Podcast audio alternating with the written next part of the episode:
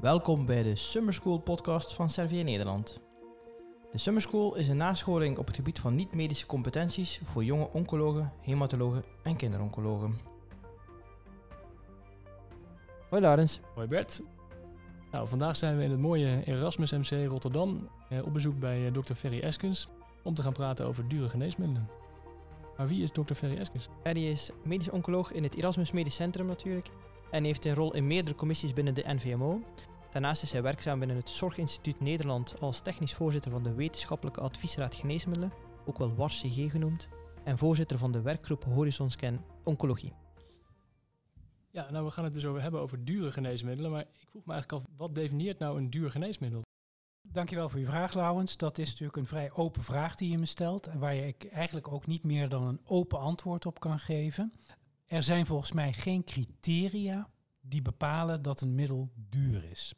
Wat wel belangrijk is, is over het algemeen te stellen dat de zorg waarvan we denken dat we die met dure geneesmiddelen geven, dat dat de zorg is waarvan de medicatieverstrekking altijd via het ziekenhuis verloopt. In zijn algemeenheid kun je zeggen dat de geneesmiddelen die via het ziekenhuis verstrekt worden voor de hematologische en de oncologische patiënten, dat dat eigenlijk altijd de middelen zijn die het predicaat duur kunnen hebben. En dat je, als je het andersom zou willen stellen, medicatie, vaak ondersteunend, die we geven aan onze patiënten en die we via de gewone apotheek kunnen verstrekken, dat dat niet de middelen zijn die het predicaat duur geneesmiddel verdienen. Nu we toch nog in de inleidende fase zitten, zou je kunnen schetsen wat de verhouding is tussen de kosten van dure tussen aanhalingstekens geneesmiddelen of in het algemeen alle geneesmiddelen misschien in Nederland ten opzichte van de totale zorg? Ja, nou, daar heel toevallig heb ik pas geleden een, uh, een, een, verhaal mogen houden voor een apotheker, wat mij nog eens dwong om juist naar dit soort grote zeg maar, gehelen te gaan kijken. Uh, daarin kwam naar voren dat als je kijkt wat de zorg in Nederland kost op jaarbasis, dan gaan we waarschijnlijk rondom dit jaar over de 100 miljard heen. Dat is de volledige zorg, de kuur, de care, zorg, alles. Als je kijkt op dat astronomische budget, dan nemen de geoormerkte, hè, ik heb er daar net iets van gezegd, de dure geneesmiddelen, nemen ongeveer 7% van dat budget nemen ze voor hun rekening. Dus dat is verhoudingsgewijs beperkt. Aan de andere kant ga je natuurlijk kijken dat er verschillende disciplines zijn en dat natuurlijk de hematologie en oncologie een relatief dure vorm van geneeskunde zijn. En dat binnen die vakgebieden de bijdrage van de dure geneesmiddelen aanzienlijk hoger is dan die 7% die het totaal betreft. Dus ondanks het relatief lage percentage denk ik toch belangrijk om, uh, om er streng op toe te zien en die kosten proberen te beteugelen. Ja, ik denk dat het natuurlijk van belang is om in ieder geval te zorgen voor goed en rationeel gebruik van geneesmiddelen, maar dat lijkt me dat dat altijd geldt. En natuurlijk is er een aantal vakgebieden waar de geneesmiddelenkosten eigenlijk geen issue zijn. Je kunt je natuurlijk voorstellen dat dat bij alle zeg maar, chirurgische vakken een hele andere verhouding heeft. Maar erg veel beschouwende vakken, waar veel medicamenteuze ondersteuning aan patiënten wordt gegeven, daar is dit een heel belangrijk dossier. Van oudsher gold dat al bijvoorbeeld voor de verschillende cardiale stents die er werden gebruikt. Nou, de reumatologie is natuurlijk een vakgebied waar dit probleem ook uitgebreid uh, ja, bekend en gekend is. En natuurlijk onze zustervakken van de hematologie en de oncologie zijn vakken waarbij het bewustzijn van wat wij verstoken aan geneesmiddelen gelukkig de afgelopen jaren enorm is toegenomen en echt ook wel iets is wat dagelijks ja, de awareness heeft van de dokters die gebruik maken van deze geneesmiddelen. Mm Ferry, zou je ons kunnen meenemen in welke stappen geneesmiddelen doorlopen van ontwikkeling tot het moment waarop je het kan voorschrijven in Nederland? Ook dat is een korte vraag waar een enorm lang antwoord op te geven is. Omdat als je gaat kijken wat eigenlijk de route is van bench to bedside, zo proberen we dat altijd maar samen te vatten, dat dat natuurlijk een traject is wat enerzijds ontzettend lang duurt en wat anderzijds natuurlijk met enorm veel waarborgen omgeven is. Natuurlijk, het hele preklinische stuk heeft zijn eigen merites ten aanzien van veiligheid, effectiviteit. Ik wou daar denk ik even een beetje overheen stappen. Uiteindelijk zie je dat bij de ontwikkeling van bijvoorbeeld een doelgerichte behandeling er een lead compound uit een hele brede screening vaak naar voren komt. En dat die lead compound dan degene is die in eerste instantie in preklinische modellen verder wordt uitgewerkt. en getest. Nou, dat gebeurt natuurlijk vaak in eerste instantie in vitro, vervolgens in in vivo modellen. Vervolgens gaan we natuurlijk dan naar de preklinische modellen met gebruik maken van proefdieren. En dat zijn allemaal de stappen die al doorlopen zijn voordat überhaupt een medicament de kliniek zou kunnen bereiken. Dus dat is denk ik het eerste stuk, de preklinische ontwikkeling die als zodanig vaak van heel breed naar een lead compound, naar testing, naar veiligheid en naar effectiviteit gaat. Vervolgens zul je dan zien dat een betreffende lead compound meegenomen kan worden naar de klinische research. En dan begin je natuurlijk met vroeg klinische studies om met name het farmacologische gedrag van dit soort medicamenten, ja, om dat in beeld te krijgen. En met farmacologisch gedrag heb je het dan eigenlijk altijd over farmacokinetiek. Zeker natuurlijk bij het steeds meer gebruik maken van orale middelen. Worden ze uiteindelijk geresorbeerd, worden ze opgenomen, komen ze in het eerste compartiment om sowieso van daaruit, het eerste compartiment is het bloed, komen ze in het compartiment om van daaruit naar de tumor te gaan. En nog veel belangrijker dan dat natuurlijk, kunnen wij farmacodynamisch enigszins een idee krijgen dat de stof doet wat ze zeggen dat hij zou moeten doen. Dat zijn eigenlijk de vraagstukken zoals die bij klassiek, zoals dat altijd werd gedaan, fase 1 klinische research wordt gedaan. Het zal natuurlijk niet verbazingwekkend zijn dat tegenwoordig met de veel betere target identificatie die we hebben, van waaruit de compounds ook al ontwikkeld worden, dat die grenzen tussen fase 1 studies, waar ik net over sprak, fase 2 studies, waarbij een eerste idee van activiteit wordt verkregen, en uiteindelijk natuurlijk de fase 3 studies om de daadwerkelijk toegevoegde waarde van een medicament op klinische eindpunten te tonen, dat die grenzen met name in het vroege geneesmiddelentraject, geneesmiddelenontwikkeltraject klinisch, dat die stadia fase 1, fase 2 wat meer vervaagd zijn. En dat we al heel vaak uitgaan van eerste signalen van veiligheid naar eerste signalen van activiteit. Ik uh, heb ook al een aantal uh, geneesmiddelen zien voorbij komen die op basis van fase 1, 2 onderzoek een registratie gekregen hebben. Met name omdat het een heel zeldzame ziekte is, bijvoorbeeld. Uh.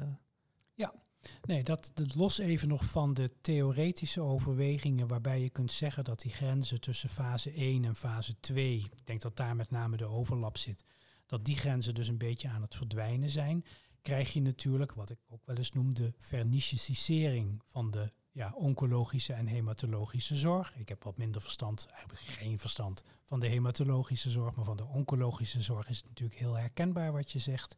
Dat we hebben inderdaad een zodanig specifiek target waar zo weinig patiënten mee behept zijn in hun tumor, dat het eigenlijk al niet meer mogelijk is om voor dit soort indicaties grote gerandomiseerde studies te doen. Dat vinden we ergens toch een nadeel, want hoe beter de evidence is die we krijgen voordat we het gaan gebruiken in de dagelijkse praktijk, hoe beter het is. Aan de andere kant kun je zeggen dat door die hele target-specifieke benadering die er is en de compound ook daadwerkelijk doet wat ze zeggen dat hij doet, dat dat in hele vroegere klinische studies ook al heel duidelijk tot uiting komt. Straks met het beoordelen van uiteindelijke effectiviteitsdata zullen we daar misschien nog even op terugkomen. Maar door inderdaad de ja, verdere verspecificering of vernichicering van de oncologische zorg, nogmaals laat ik mij daar een beetje toe beperken, zien we inderdaad dat we met kleinere studies, maar vaak met grotere resultaten, uiteindelijk ja, tevreden genoeg kunnen zijn om zo'n medicament uiteindelijk ook tot standaardzorg uh, ja, te verkrijgen. In het ideale geval is er een grote fase 3-studie met robuuste data. Die worden dan gepresenteerd op een internationaal congres. En wat dan?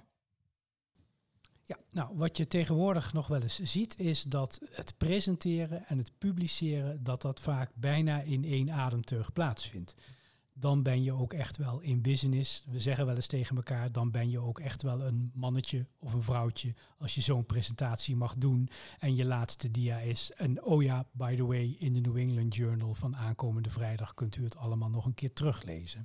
Daar worden we allemaal ongelooflijk jaloers op. Uiteindelijk gaat het erom, en dat raakt denk ik een beetje aan de vraag, wat is de minimale voorwaarde die wij vinden dat er moet zijn om een beoordelingstraject op te starten? En dat betekent eigenlijk wel dat we toch willen uitgaan van peer-reviewed data, zeker als het een eerste presentatie betreft. Is er eenmaal een peer-reviewed paper en komen er bijvoorbeeld relevante updates op grote congressen, dan wordt dat in zijn algemeenheid in Nederland ook als adequaat beschouwd om verdere beoordelingen op te doen.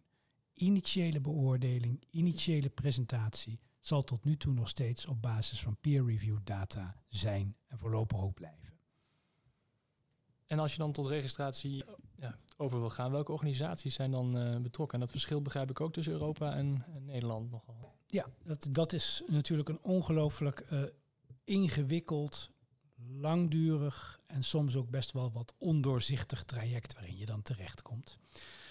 Ik denk dat je, en laten we het een beetje toespitsen op Europa, want we kunnen heel veel over de FDA zeggen, maar laten we het even voor de sake of the discussion, als jullie het goed vinden, beperken tot Europa. Heb ik misschien al even aangegeven dat een EMA-registratie eigenlijk de basale voorwaarde is om daarna alle verdere andere beoordelingstrajecten in te zetten. Het is opvallend als je je dan eigenlijk afvraagt wat zijn nou de vereisten die er voor de EMA zijn om tot registratie over te gaan dan is dat feitelijk alleen een hele elementaire beoordeling van veiligheid en een hele elementaire beoordeling van biologische activiteit. Daar zijn dus helemaal geen studiedata, geen gerandomiseerde data voor, voor noodzakelijk. Feitelijk, veilig en het doet wat. En ik vat het een beetje ongenuanceerd samen. Maar dat zijn de basale voorwaarden en ook niet meer dan dat om voor EMA over te kunnen gaan tot registratie. Dus we spreken nog niet eens in een toegevoegde waarde naar PFS of overall survival. Nee, op geen enkele wijze is dat voor de EMA een beoordelingscriterium. Die klinische effectiviteitsbeoordeling is eigenlijk wat pas daarna tot volle wasdom komt. En verschilt dat van het college voor beoordeling geneesmiddelen dan in Nederland, het CBG?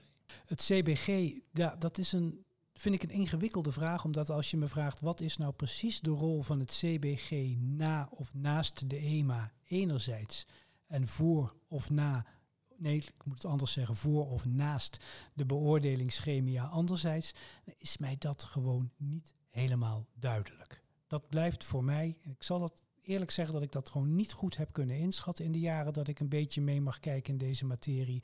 Of er voor de CBG een zodanig oordeel, vanuit de CBG een zodanig oordeel kan komen dat bijvoorbeeld een medicament met EMA-registratie niet tot de Nederlandse markt wordt toegelaten. Oké, dus laten we zeggen dat het middel geregistreerd is bij de EMA. Wat is dan de volgende stap eigenlijk om het vervolgens ja, hier op de markt en vergoed te krijgen? Nou, daar gaat eigenlijk een, een, een groot aantal beoordelingen en inventarisaties komt daarbij kijken. Als je nou eigenlijk helemaal misschien nog één stapje terug gaat, realiseer ik me. Als middelen in ontwikkeling zijn en als er zeg maar grote studies gedaan worden of gedaan zijn gedaan gaan worden, dan is er al een belangrijke rol voor het Zorginstituut om te gaan kijken van wat denken we dat de impact van dat medicament op de Nederlandse markt zou kunnen gaan worden. Daarvoor wordt gebruik gemaakt van de Horizon Scan.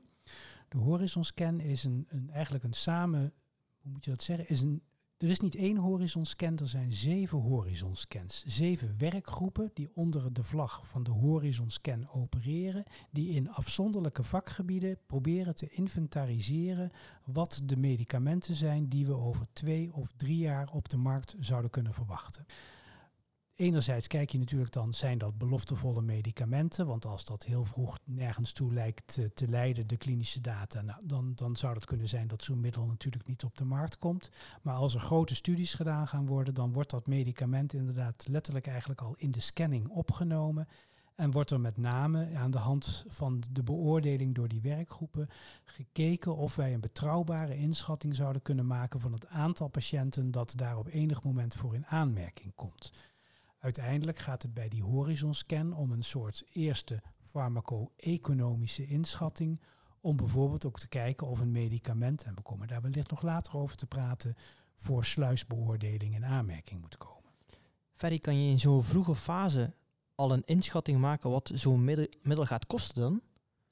Nee, dat kunnen we feitelijk niet. Al hebben we natuurlijk met elkaar geconstateerd dat alle middelen zoals we die nu op de markt zien aankomen, eigenlijk ogenschijnlijk per definitie voldoen aan het criterium duur geneesmiddel. En eigenlijk de inschatting zal zijn dat ieder geneesmiddel een zodanige budget impact zal hebben dat we daar dus op die manier kritisch naar moeten gaan kijken. De uiteindelijke prijsstelling weten we niet. Al weten we wel dat vele medicamenten die in ontwikkeling zijn, vaak geclusterd zullen gaan worden met bijvoorbeeld vergelijkbare middelen, zodat je wel een eerste inschatting kan maken wat de prijs bij benadering zou kunnen zijn.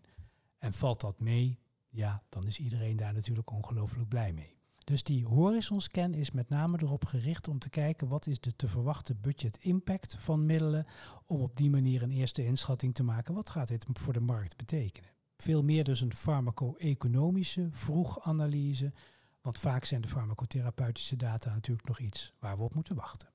Dus ik begrijp dat die horizon scan vaak al voor de registratie ja. Ehm, loopt. Ja, de Horizon Scan probeert eigenlijk ongeveer twee tot drie jaar vooruit te lopen om op die manier, ja, zoals we dat dan wel eens zeggen, ik mag goed lid van de Horizon Scan werkgroep zijn, dat we niet verrast gaan worden door in één keer een knaller op de markt. Einde citaat.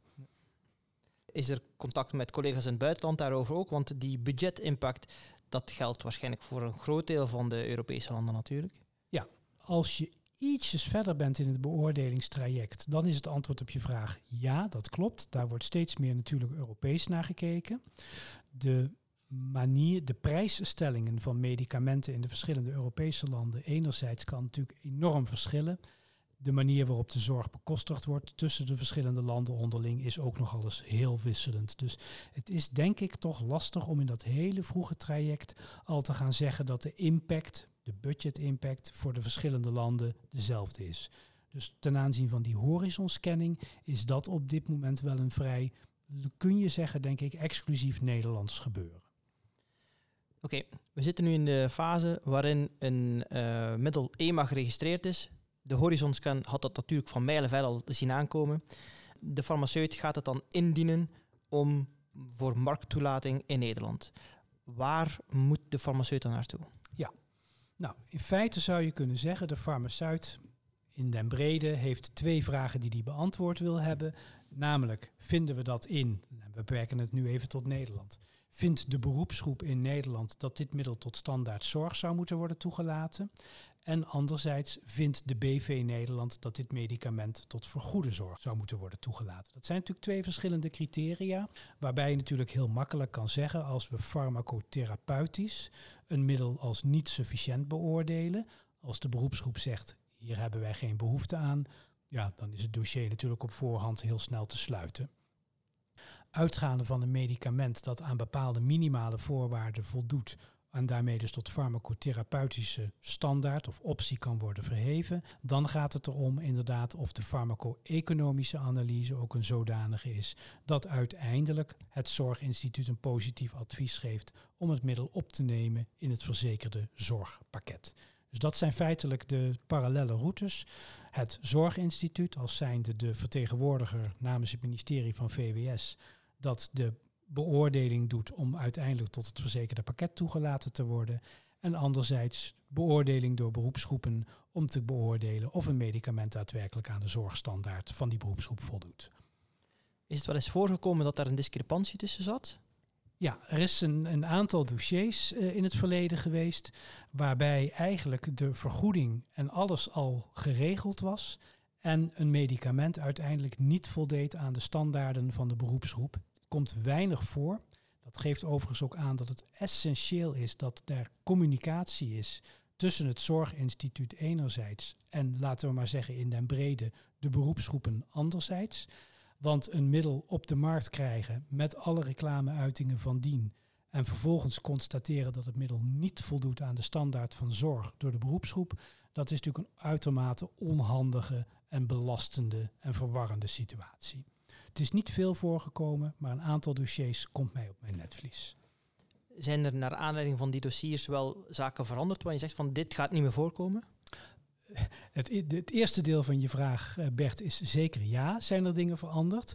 Het tweede deel van je vraag, gaat het nooit meer voorkomen? Ik hoop heel erg dat het antwoord daarop eensluidend en sluitend nee is. Maar je begrijpt dat we dat natuurlijk niet helemaal zo kunnen stellen. Wat wel de bottomline is van jouw vraag, is er betere samenwerking, is er betere communicatie tussen zeg maar het veld enerzijds en laten we even heel cru zeggen de overheid, de BV Nederland, vertegenwoordigd door het Zorginstituut anderzijds, is die communicatie verbeterd? Dan kan ik zeggen ja met een uitroepteken.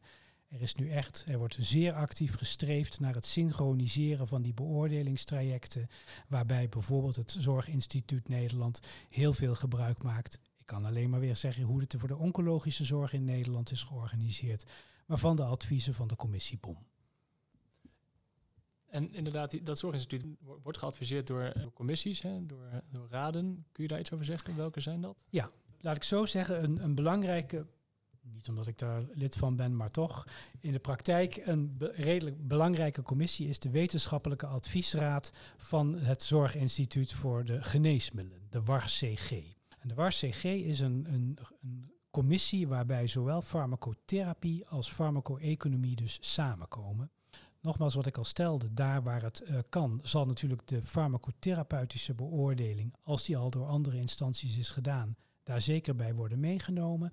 Maar er is natuurlijk nog steeds een aantal situaties denkbaar waarbij feitelijk door deskundigen in die WAR-CG er een farmacotherapeutische beoordeling wordt gemaakt van een bepaald dossier. Daarnaast is er dus een uitgebreide farmaco-economische analyse, voorafgegaan door een budget-impact-analyse. Dat laatste heeft ermee te maken met dat de WARS-CG feitelijk alleen beoordelingen doet van geneesmiddelen waarvan we moeten aannemen dat die in de sluis terecht zullen komen. Dus daar zit inderdaad een hele elementaire, laten we zeggen, vroege beoordeling van het al of niet opnemen van een medicament in het verzekerde pakket en het al of niet opnemen, dus daarmee ook vaak van de medicament in de sluis. Nu heb ik nog twee andere vragen. Dus die WARCG gaat eigenlijk alleen maar over geneesmiddelen die wellicht in de sluis terecht gaan komen. Dus per definitie een bepaalde budget-impact gaan hebben. Je hebt natuurlijk ook heel veel geneesmiddelen die niet uh, in de sluis gaan komen, omdat die of heel, veel minder patiënten of gewoon goedkoper zijn. Dus de vraag is, uh, wie beoordeelt dat dan? En de tweede vraag is, wat is het grootste verschil tussen de medische oncologie en de hematologie in deze?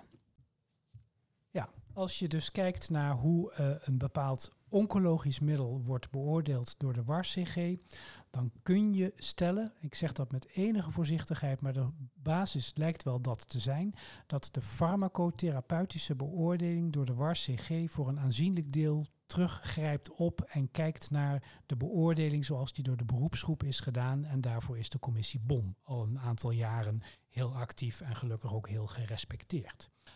Farmacotherapeutisch wordt door de beroepsgroep dus een bepaalde grens aangehouden die verder gaat en verder rijkt dan alleen de statistische analyse. We kijken echt van wat wij als beroepsgroep vinden dat de toegevoegde waarde van dat medicament is. En bij een positief oordeel van de commissie BOM beschouwen we als beroepsbeoefenaren dat die betreffende behandeling ook in het standaard zorg zou moeten zijn. Je zou kunnen zeggen dat de commissie BOM een soort kapstok levert waar de WAR-CG heel goed naar kan kijken. Het is daarom op zich best bijzonder dat een dergelijke kapstok vanuit de hematologie tot op heden nog niet tot stand is gekomen. En dan zie je ook dat de farmacotherapeutische beoordeling van de hematologische dossiers feitelijk primair door de WAR-CG wordt gedaan. Ik zeg niet primair omdat de beroepsgroep natuurlijk zelf daar ook zijn oordeel over velt. Maar binnen de WAR-CG is er dus niet een gremium als de commissie BOM bij de oncologie een vergelijkbaar gremium binnen de hematologie dat als het ware een soort standaard aanreikt. Als je dan gaat kijken naar welke middelen dus door de WARCG worden beoordeeld, dan zijn dat middelen die dus aan de zogenaamde sluiscriteria voldoen. En dat betekent dat er wordt verwacht dat per behandelindicatie van het middel er in principe wordt verwacht dat dat 10 miljoen euro per jaar zou gaan kosten. En dat een middel voor alle indicaties bij elkaar een budget-impact van 50 miljoen zou hebben. Dat zijn eigenlijk de belangrijkste twee criteria om over te gaan tot beoordeling en dus vervolgens eventueel plaatsing in de sluis. Mag ik even een kleine zijstap maken? Geldt dit ook voor pediatrische geneesmiddelen? Want een deel van onze luisteraars is werkzaam in de kinderoncologie. Uh, gelden daar dezelfde regels voor? Of daar dezelfde budgettaire regels voor bestaan, dat weet ik niet. Wat je wel ziet is dat natuurlijk binnen. Dus de vraag is misschien een beetje ik zou de vraag even willen, willen omdraaien als je het goed vindt. Want binnen de kindergeneeskunde heb je natuurlijk enerzijds de kinderoncologische indicaties. Maar heb je met name natuurlijk ook heel veel behandelingen die tegenwoordig worden gegeven voor de diverse enzymopathieën zoals die bij de kinderen zijn. En dat zijn natuurlijk wel hele high impact uh, dossiers die daar vaak zijn. Vaak niet eens zozeer all over, omdat dit extreem zeldzame indicaties zijn. Maar de kosten voor een behandeling per patiënt zijn daar inderdaad ook extreem hoog vaak, waardoor ook wel degelijk die beoordeling conform criteria eigenlijk binnen de WARCG plaatsvindt. Ja. En nou hebben we het begrip de sluis al een paar keer genoemd. En we weten nu bij welke criteria besloten wordt om een middel in de sluis te plaatsen. Maar wat is nou eigenlijk die sluis? Eh, wie zet het daarin en hoe komt het er weer uit? Ja, nou, dat is een hele interessante vraag. Want wie het erin zet, dat weten we dus eigenlijk wel. Je zou kunnen zeggen dat dat de samenwerking van Zorgverzekeraars Nederland en het Zorginstituut is. Daar gaat het inderdaad puur over de basis dat we prijsonderhandelingen willen gaan voeren. Als je dan vraagt wie doet de prijsonderhandelingen, want uiteindelijk gaat het erom dat het medicament voor een lagere prijs in het verzekerde pakket komt, zou je eigenlijk kunnen verwachten dat de verzekeraars dat zouden doen. Die hebben het meeste belang bij het kunnen verstrekken van zorg die betaalbaar is. Toch is het het Zorginstituut dat de prijsonderhandelingen doet en uiteindelijk probeert te komen tot zeer significante prijsreducties.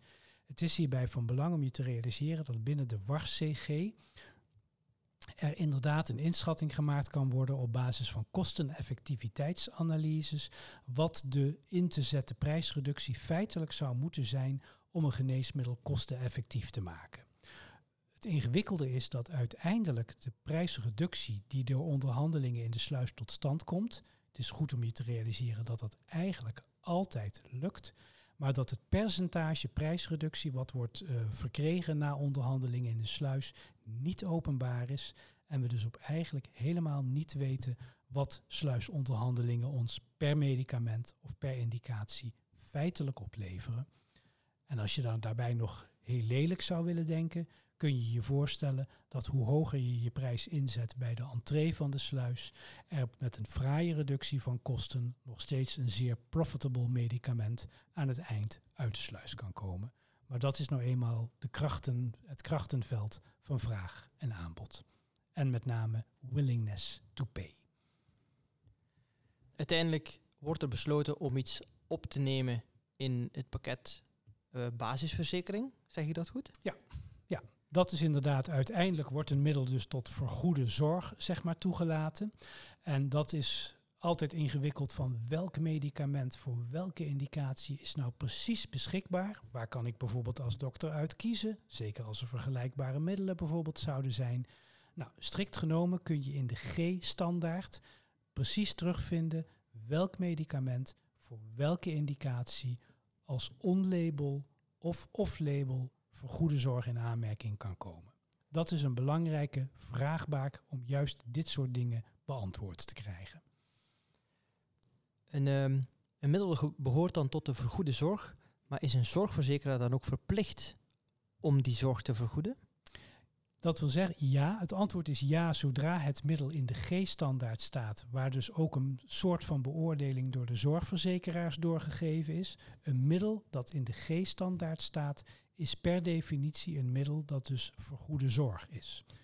Je kunt je nog, en dat is denk ik een goede vraag, je kunt je overwegen, je kunt je afvragen of alles dat beoordeeld wordt, dat aan bepaalde criteria voldoet, uiteindelijk in de G-standaard komt. Dan praat je dus bijvoorbeeld ook vaak over, laten we zeggen, regionalisering van zorg en inkoop in betreffende ziekenhuizen. Ja, dan weten we dat dat antwoord niet altijd en per definitie ja is. Uiteindelijk kunnen verzekeraars op hen moverende redenen bepaalde dure zorg wel of niet inkopen voor jouw ziekenhuis en voor jou dus daarmee als behandelaar. Dat is een hele andere dimensie. Maar dus ook voor jou als patiënt kun je bepaalde zorg in sommige ziekenhuizen wel krijgen en andere niet.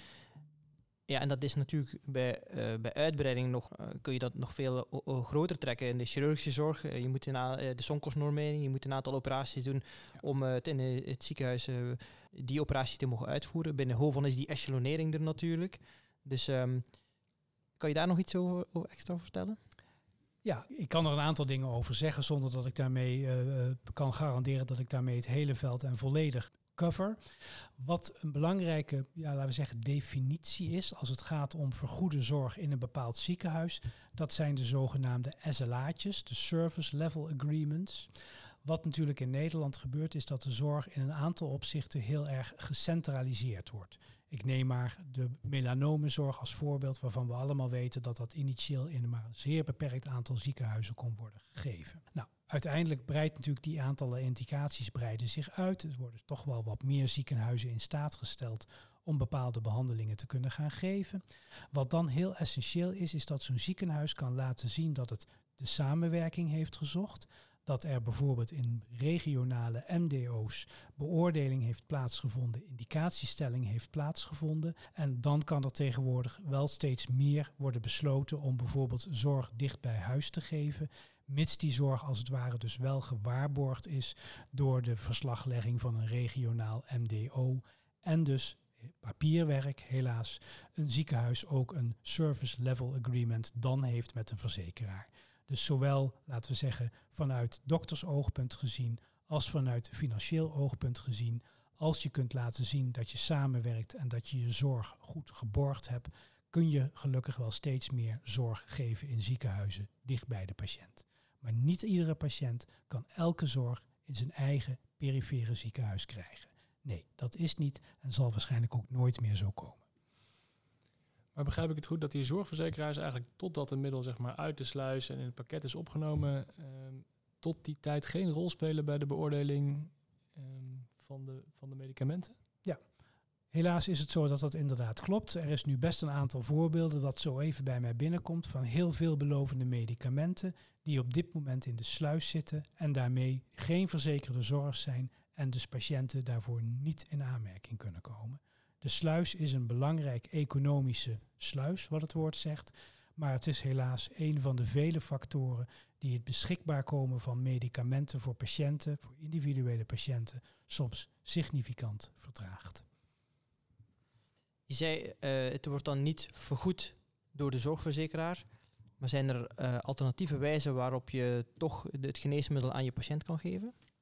Ja, dat is er natuurlijk zeker. Je kunt dat denk ik vanuit twee kanten kun je dat benaderen. Ja, als een farmaceutische industrie het idee heeft dat het een dusdanig beloftevol medicament is dat het na sluisonderhandelingen, en laten we eerlijk zijn, profitable op de markt komt, dan is zo'n industrie vaak eh, zeker bereid om, om niet-programma's uh, op te zetten, zodat de patiënt na goede indicatiestelling voor een dergelijke behandeling toch in aanmerking kan komen. Vroeger waren dat de zogenaamde CUPS en de NPP, de Named Patient Programs. Die programma's bestaan nog steeds. Daarnaast is het zo dat ook gelukkig de beroepsgroep in een aantal opzichten hier uh, de handschoen heeft opgepakt en op allerlei manieren, ik verwijs bijvoorbeeld naar het Drug Access Program, probeert beloftevolle medicatie snel beschikbaar te krijgen voor patiënten, waarbij er over het algemeen dan wel een registratieplicht is om op die manier ook te proberen de onderbouwing van de evidence van dat medicament. En het is goed om je te realiseren dat we dus dan vaak praten over medicamenten die op basis van niet gerandomiseerde fase 2 data tot de markt toetreden, om daar verder als het ware de bewijsvoering van te versterken. Je hebt het dan denk ik over het DRUP-protocol. Ik heb, het over, ik heb het niet over het DRUP-protocol even heel strikt genomen. Het DRUP-protocol is nog een studieprogramma, waarbij in ieder geval wel om niet medicamenten beschikbaar worden gesteld, om die als het ware off-label testen. Dus in zoverre kan ik je vraag ook een beetje bevestigend beantwoorden.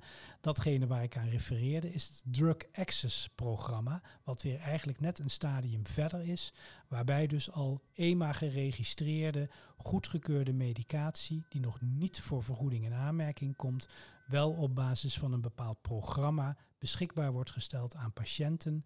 En waarbij het, om dan even in de details te duiken, over het algemeen zo is dat als er een bepaalde profit is voor de patiënt, je zou kunnen zeggen het gaat een beetje naar pay for performance, maar dat in essentie binnen het Drug Access Program het zo is dat de eerste vier maanden de vergoeding voor het medicament door de fabrikant wordt gewaarborgd. En daarna, als er inderdaad bewezen voordeel is voor een patiënt, de ziektekostenverzekeraars de vergoeding overnemen. Dus Drug Access Program is een heel mooi voorbeeld van samenwerking tussen industrie, beroepsgroep en zorgverzekeraars. Is dat niet eigenlijk heel gek? Want dan sla je een hele stap over van een beoordeling die normaal wel plaatsvindt. Dat klopt. Ehm, je zou kunnen zeggen, toen Drug Access Program werd opgericht, was dat eigenlijk een poging van de beroepsgroep te komen tot hoe gaan we nou om met de data van niet gerandomiseerde studies. Data die wij zodanig beloftevol vinden dat we zeggen, dat zou je toch eigenlijk voor je patiënt beschikbaar moeten stellen. Dat is een dossier waarvan we zeiden dat is eigenlijk dus ingewikkeld. We hebben niet de echte goede data. Maar ja, we hebben al eerder gesteld, een aantal indicaties leent zich niet voor grote gerandomiseerde studies. Uiteindelijk heeft, kun je zeggen, de gedachtegang van het Drug Access Program, en dat liep een beetje parallel aan elkaar, heeft er ook toe geleid dat in ieder geval voor de oncologische middelen de beroepsgroep criteria heeft opgesteld om te komen tot beoordeling van niet gerandomiseerde studies conform de Pasquill criteria zoals we die al 23 jaar gebruiken voor de gerandomiseerde studies. En zou je kunnen zeggen dat als er op enig moment een uitspraak nu komt van een medicament dat beoordeeld is op basis van niet gerandomiseerde fase 2 data, en de commissie BOM geeft daar een, positief advies over, dat je eigenlijk zou hopen dat verzekeraars daarmee dus automatisch, zoals ze dat ook voor de gerandomiseerde studies doen, tot vergoeding overgaan. Daar zit nog wel wat, ja, wat licht als het ware. Dat een eerdere vraag van is een acceptatie van de beroepsgroep altijd automatisch leidend tot vergoeding door de verzekeraars. Je hier dus een voorbeeld hebt dat dat niet altijd automatisch tot stand komt. En dat we dus proberen met additionele dataverzameling uiteindelijk, nou ja, laten we zeggen, de case goed te onderbouwen om uiteindelijk natuurlijk te komen tot vergoeding op basis van die niet gerandomiseerde data. En er waren nog twee termen als we het hebben over um, misschien niet geregistreerde geneesmiddelen, of in ieder geval niet vergoede geneesmiddelen, waarbij ik altijd in de war raak, off-label en add-on. Hoe zit dat in dit, uh, ja. dit kader? Ja, deze hele materie kenmerkt zich natuurlijk door definities. Definities die soms een aantal dingen verduidelijken en soms ook een aantal dingen best wat onduidelijk maken. Je hebt een zogenaamd add-on label. En een add-on label wil eigenlijk zeggen dat het middel vergoed wordt. Dat kan zijn voor een officiële indicatie, dat wil zeggen een indicatie waarvoor het medicament dus geregistreerd is bij de EMA. Uh, noem een voorbeeld, bortezomib bij het multiple myeloom. Noem een voorbeeld, cabozantinib bij niercelcarcinoom.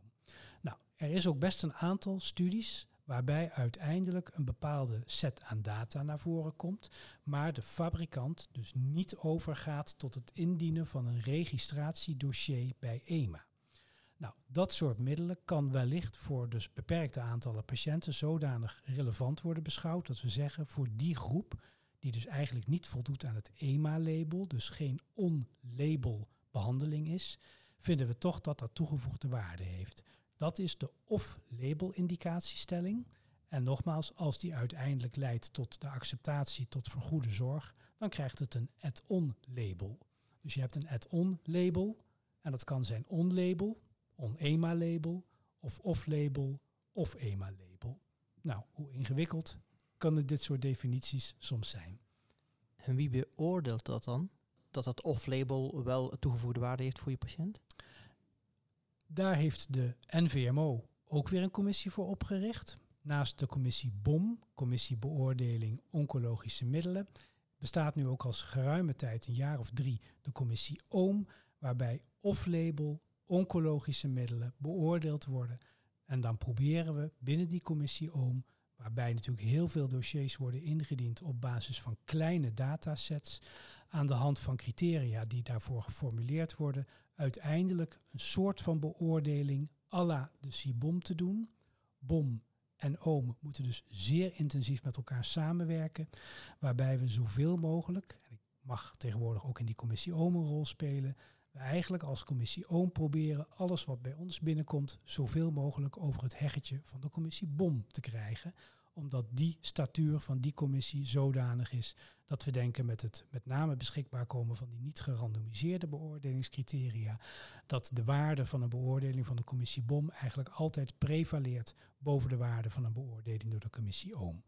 Blijft toch altijd een aantal kleine dossiers over aan de hand waarvan we met criteria binnen de commissie OOM ook tot de beoordeling overgaan. Dan is er nog één commissie, er zullen er nog vast heel veel zijn, maar die ik af en toe voorbij hoor komen en die ik nog niet hoor over noemen heb, dat is de CIBAG. Ja, De CIBAG is in feite, ook dat, Bert, is weer een ingewikkelde, want je hebt een CIBAG van de verzekeraars en je hebt een CIBAG van de NVMO.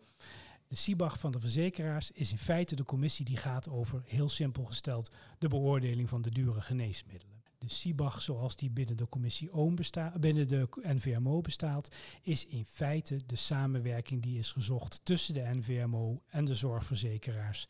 En dat noemen we dus eigenlijk een beetje CIBOM 2.0, CIBAG. Weet je, als het beest maar een naam heeft, is het goed. Veel belangrijker is, is dat er structureel overleg is. Geldt dat ook bij de hematologie zo? Uh, dat kan ik je niet precies vertellen, omdat ik natuurlijk puur vanuit de oncologische wereld uh, actief ben. Naar mijn stellige overtuiging is er bij afwezigheid van een commissie BOM binnen de hematologie ook zeker geen commissie OOM binnen de hematologie. Ik heb de indruk dat daar andere ja, criteria gelden en andere gremia actief zijn om in ieder geval uiteraard wel beoordeling van nieuwe behandelingen te doen. In hoeverre dat een geformaliseerd overleg bijvoorbeeld met de verzekeraars is in commissieverband, dat weet ik niet precies. Dan kunnen we misschien in de summer school nog uh, op terugkomen. Dan. Zeker. Er is er nog, nog één laatste term die we af en toe voorbij horen komen in het ziekenhuis. Dat is overheveling. Wat, uh, wat is dat precies? Een lastige definitie. Overheveling is naar mijn idee geweest dat de verstrekking en daarmee de vergoeding van bepaalde geneesmiddelen, zoals het woord zegt, zijn overgeheveld van wat we altijd maar noemen de burgermansapotheek naar de ziekenhuisapotheek. Feitelijk is dit een actie geweest waarvan we als ziekenhuizen zeiden, ja, dat levert een hele duidelijke extra aanslag op ons budget op. Want middelen, soms ook best prijzige middelen, die wij voorheen via de reguliere apotheek konden laten verstrekken aan patiënten, moeten nu allemaal via de ziekenhuisapotheek en dus feitelijk via het ziekenhuisbudget worden vergoed. Dat is de overheveling geweest. Dat is natuurlijk ook een klein beetje misschien wel een controlelichaam geweest om te proberen het gebruik van dit soort middelen toch iets beter in beeld te krijgen. Misschien doe ik niet helemaal recht aan de daadwerkelijke uh, uh, achterliggende argumentaties. Maar feit is wel dat bij de overheveling het ertoe leidde dat een aantal medicamenten inderdaad op het budget van het ziekenhuis geplaatst werd. Oké, okay, duidelijk. Ferry, heel erg bedankt voor je toelichting. Ik denk dat we z'n allen een stuk wijzer geworden zijn. En ook voor een stukje met verstomming geslagen hoe, hoeveel uh, verschillende stappen en hoeveel commissies er wel allemaal bestaan. Um, dankjewel voor je toelichting. Graag gedaan. Dit was de Servier Nederland podcast. Kijk voor meer podcasts op onze website servier-oncologie.nl